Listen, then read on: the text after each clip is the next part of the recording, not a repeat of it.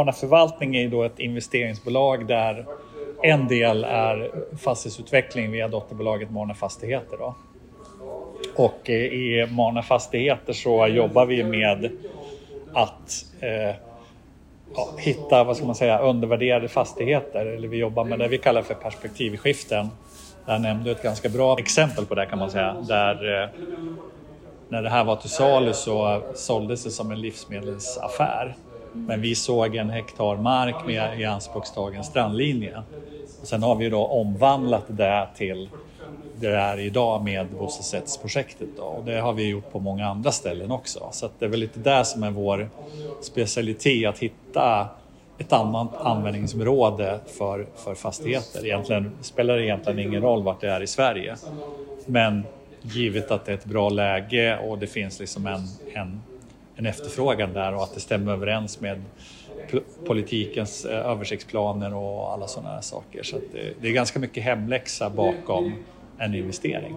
Eh, och om vi går in på projektet som det är på nu. Eh, om du vill förklara vad det är ni har uppfört och hur många enheter och, och vart vi är, vilken plats vi är på. Ja, platsen är då Nämndö och Solevik på Nämndö som då ligger längst ut i Värmdö kommun i yttre skärgården. Säga. Eh, och egentligen ska man säga mitt i hela Stockholms skärgård. Eh, centralt brukar vi säga. Eh, så här har vi då först uppfört en restaurang och en butik och en bageri och en pizzeria, gästhamn och glamping.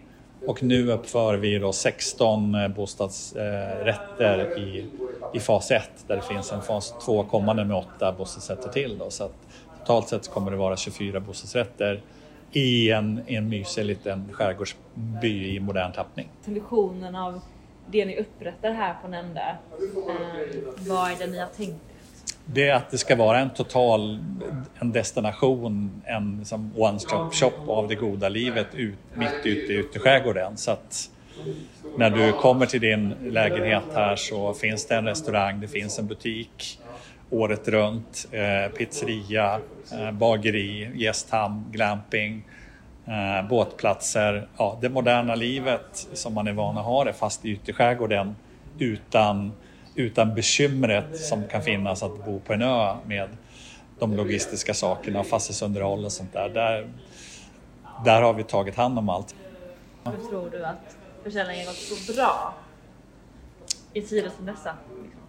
Jag tror att det beror på eh, tre saker. Eh, det ena det är ju som att det är ett helt unikt läge i skärgården där man kan få en, en bostadsrätt. Det är en stor efterfrågan och ett litet utbud. Eh, och sen nu att vi har gjort en hela det här destinationstänket att det är inte bara en lägenhet och sen är det inget mer utan det är ett servicekoncept där du har ett boende där det finns Eh, redan på plats. Restaurangen som vi sitter i nu, den är byggd, butiken finns här, allting finns så du behöver bara flytta in.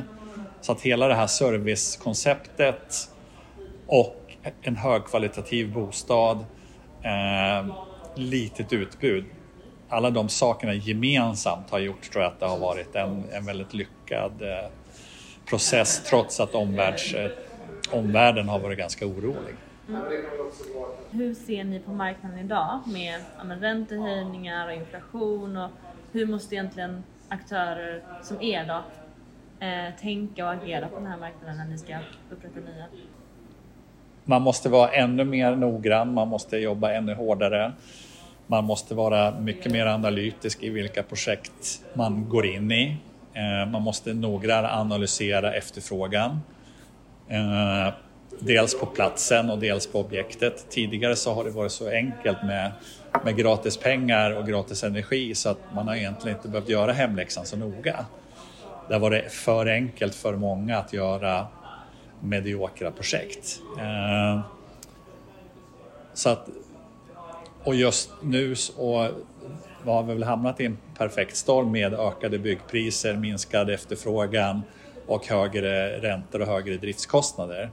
Då måste man förprojektera mer både vad det gäller efterfrågan, eh, målgrupperna och eh, hela byggprojektet, eh, att man är ännu mer förprojekterad där också så att man säkerställer allting. Man måste ha tid, man måste ha finansiering som gör att man är lite mer oberoende av kortsiktiga svängningar. Men framförallt egentligen titta på läge, läge, läge och vart är det du bygger?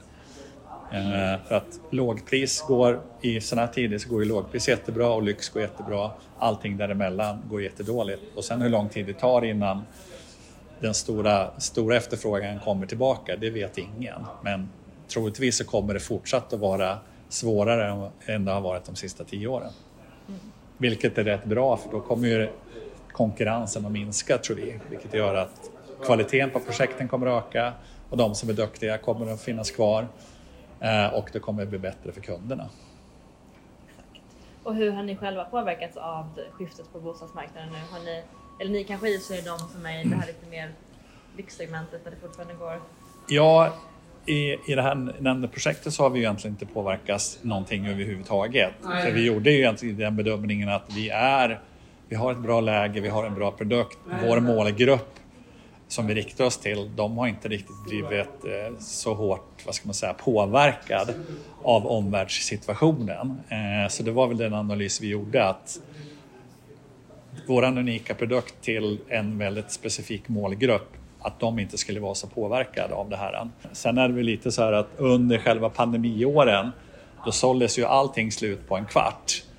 Eh, nu är det ju en mer normal marknad så backar man till 2019 och hur det såg ut innan dess. Ja, då har vi ju i förhållande till det så har vi ju sålt, sålt slut enormt snabbt. Men i förhållande till 2021 ja, så har det ju liksom tagit 4-5 eh, månader att sälja.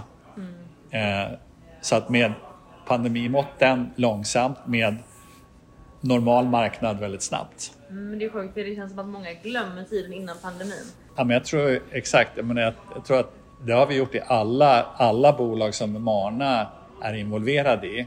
Så har vi liksom räknat bort 2020, 2021. Ja. Eh, och börjat titta på hur såg det ut 19, 18, 17.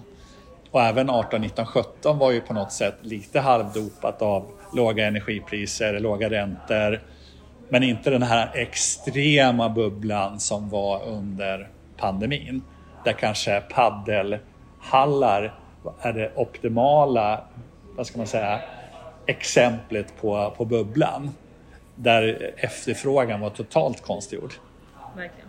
Uh, så, men om man tittar på 19, 18, 17, 16, 15 och försöker dra någon trend för det så tror jag man kommer hamna ganska rätt i sin analys. Ja. Men man, man måste lägga till högre räntor och högre energikostnader och att, att eh, det kommer att vara ett annat klimat de närmsta tio åren ändå. Lägger man in de två sakerna i kalkylen och den här kirurgiska analysen i efterfrågan, då, då kommer det fortsätta gå att göra väldigt bra affärer. Yes. Och kanske bara en liten eh, bonusfråga. Jag tänker hur, eh, vad har ni liksom för framtidsplaner? Har ni något nytt projekt på gång? Ja, det har vi. Vi har ett eh, jätteintressant eh, projekt som vi kallar ett grönt seniorboende eh, ute på Ekerö. Och där, just, där är efterfrågan enormt stor för för seniorbostäder för att merparten av, av eh, alla som bor där bor i villor. Och det finns en enormt stor mängd människor demografiskt som är 70 plus som vill flytta från sina villor för de orkar inte ha, ta hand om villor och då vill de flytta in i en lägenhet och de vill flytta in i en lägenhet som är anpassad efter seniorer och det finns inte där. Och vi har liksom även där läge, läge, läge. Och som vi ser nu så är det ett perfekt läge att börja projektera där för nu faller ju byggpriserna, nu faller liksom och vi tror att hösten kommer bli, alltså alla elementfabriker, alla, ingen, har, ingen har någonting att göra i höst. Så då kan man vara ganska bra, man är ganska bra köpare då och förhandla. Eh, så det kommer bli vårt eh, nästa projekt då. Kul, spännande mm. att se hur det går. Absolut.